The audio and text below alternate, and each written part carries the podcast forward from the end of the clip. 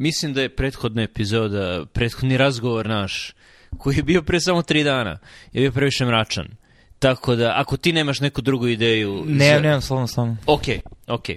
Ovo me sam razmišljao. Opet je knjiga Demon Hunted World, Carl Sagan. I on je pričao o tome kako je za nauku bitne su dve stvari. Da, bitno je da si skeptik, da, da ne veruješ 100% svemu što čuješ, moraš da proveravaš, moraš da sumnjaš itd. itd.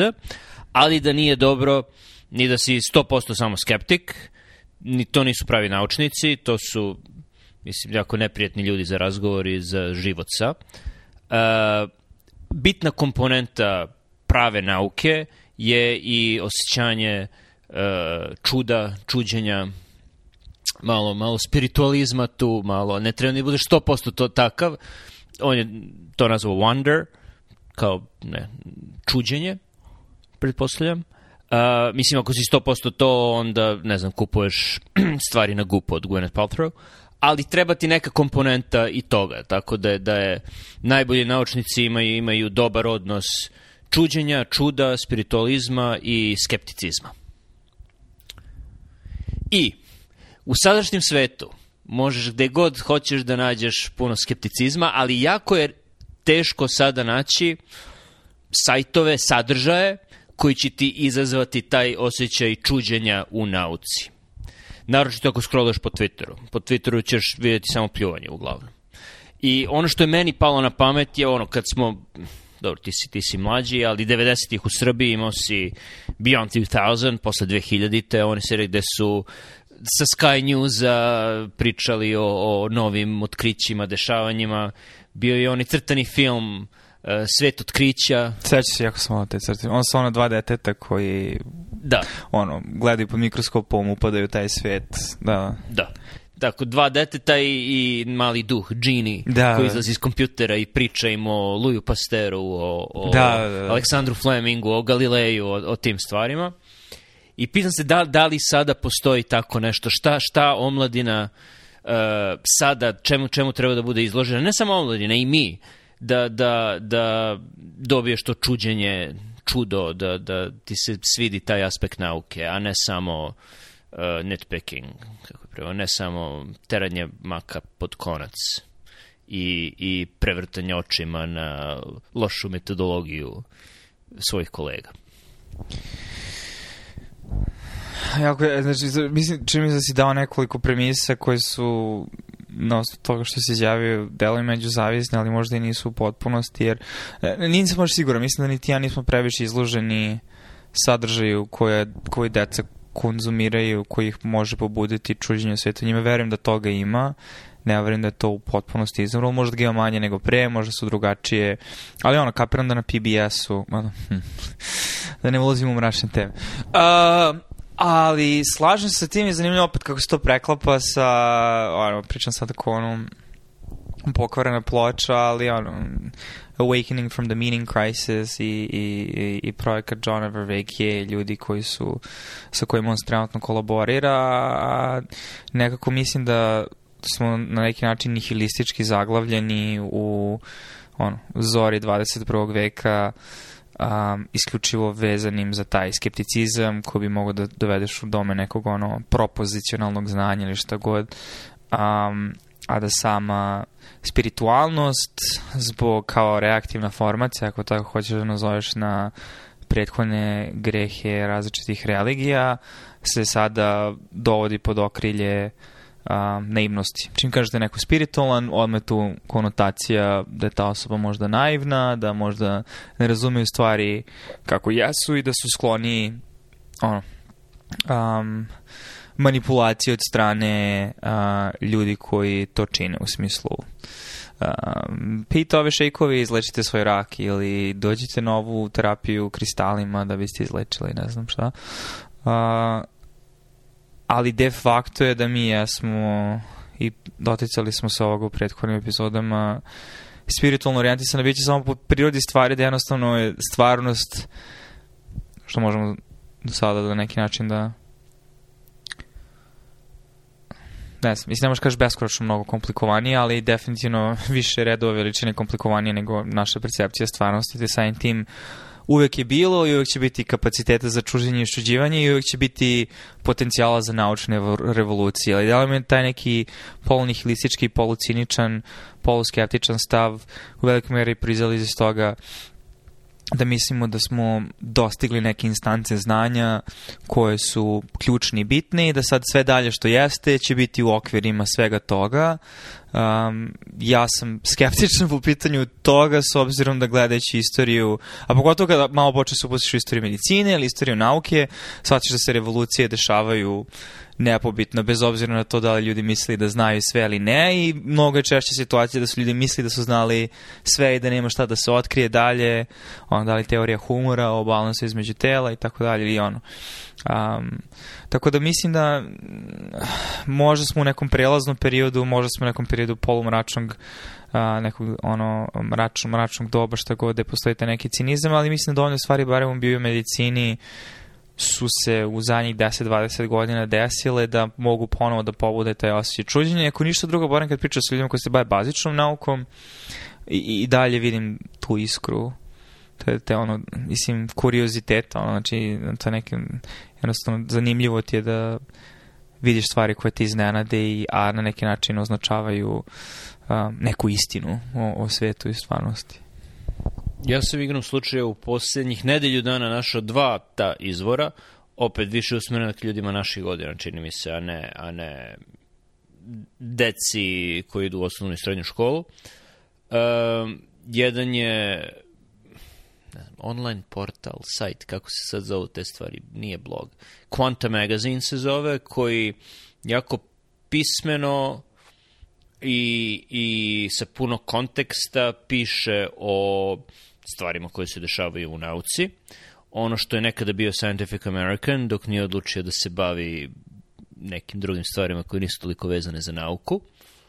E, I to mi se baš svidelo i, i imaju, prošle nedelje su počeli podcast koji je dobar, prva epizoda je bilo o snu, gde su doveli dva naučnika koji su pričali o istraživanju sna kod voćnih mušica, gde se pokazalo da san možda ima više veze sa obnovom e, gastrointestinalnog trakta, a ne mozga, jer e, organizmi, svi organizmi koji imaju e, gastrointestinalni trakt, e, količina sna jako utiče na njega, a oni nemaju neke više moždane funkcije zbog kojih bi morali da spavaju.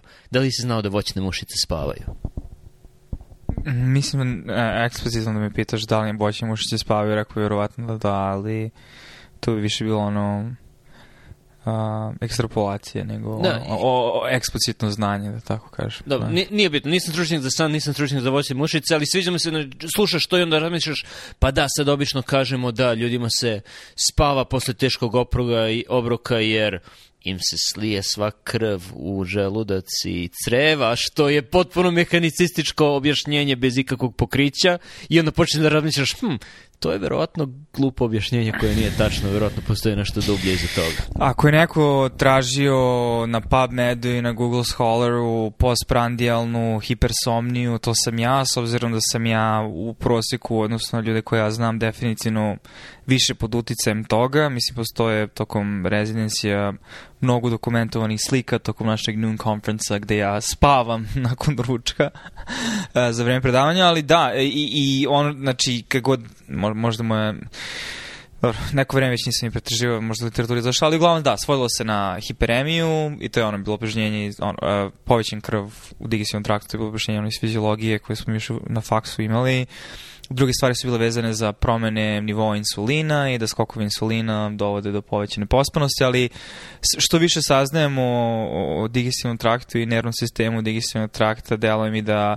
I jako je zanimljivo, da, zašto sam baš skoro razmišljao o tome kako Znaš, mislim, opet, a vodi, e, e, dotiče se nečega što ćemo spočeo raditi, redukcionistički način gledanja na centralni nervni sistem ili osjećaj sebe ili mozak ili šta god i znaš, uh, posmatranje kroz, a, poveća sam dopamin, serotonin mi nije u balansu, bla, bla, nešto sam neki, ne, neki od okidača koji jesu i tekako bitni, ali nisu jedini bitni. Ono čemu sam razmišljao, kako ono enterički nervni sistem egzistira mislim za nas na što se tiče lične percepcije vremena mnogo dužim vremenskim periodima, ali što se tiče ono mislim ciklusa jedne jedinke um, u sasvim normalnim nekim oscilacijama i zanima me koliko ono uh, različiti neuropeptidi koji se luču u digestivnom traktu nakon konzumiranja različitih stvari, samo postepeno menjaju, znači na nivou neurona ne kao da eksitiraju ili inhibiraju određene neurone, nego povećavaju recimo prag draži za određene grupe neurona ili smanjuju, a da to onda postepeno kroz ciklus utiče na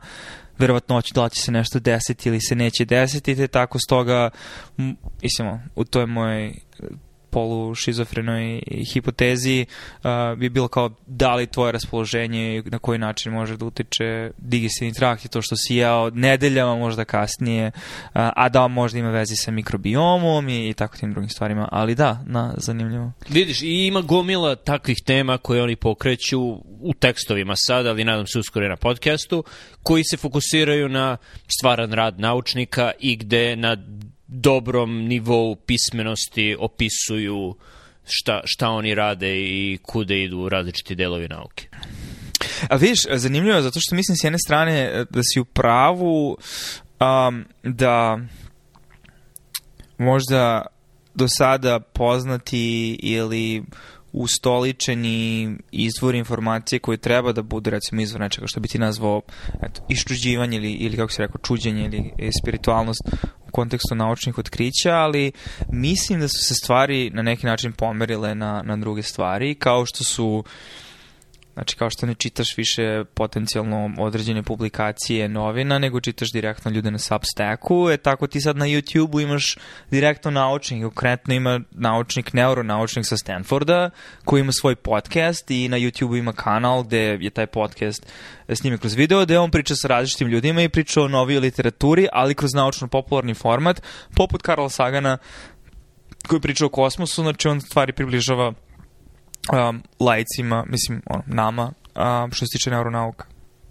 Slažem se sa tim da je YouTube drugi veliki izvor tih informacija, ali ne bih se složio da su sami naučnici koji rade te istraživanja najbolji izvor za to. Uh, jer ti si, ok, ti želiš da odeš na neki na izvor mesta koje je kao Scientific America nekada ili Beyond 2000 ili šta god, i odeš na YouTube, na YouTube ima, ima previše stvari. A ako pratiš samo tu jednu određenu osobu, jednog određenog naučnika, onda si usko fokusiran na teme kojima se ta osoba bavi. Ajde da kvalifikujem svoje izjave, čisto da, da ne bi zalazili u, u čorstvo kakve. Mislim, on se iskren, uh, suštinski bavi uh, retinalnim projekcijama na kori mozga, znači to je njegovo uže polje, ali u isto vreme je neko koji kao deo svog radnog vremena, očigledno, i njegovu misiju doživlja kao popularizatora nauke i neko koji je malo i širi uh, spektar interesovanja koji prevazilazi polje. Tako da on pričao mnogo širem spektru nego samo njegov uskog, njegove uske ekspertize. Znači, čovjek ima svoju laboratoriju, ima svoje postdokove i tako dalje, um, ali u isto vrijeme se bavi popularizacijom nauke. Opet, mislim, Carl Sagan je bio na neki način, mislim, ono, usko specializovan u svojoj niši, mada je i on bio širok na mnogi načine, ali njegovi doprinosi su bili specifični, ali isto vrijeme bio znao dosta generalnih stvari, dovoljno o fizici i astronomiji da može da približi deci i ljudima ili uh, Uh, ja sad zaboravljam fizičara koji isto bio, kako se zove? Richard Feynman. Feynman, da. Znači, on isto imao vrlo specifične doprinose fizici kao nauci, ali sve vreme bio, ono, autodidakt, polimat, kako hoćeš, mislim, koji je popularizovao nauku, tako da...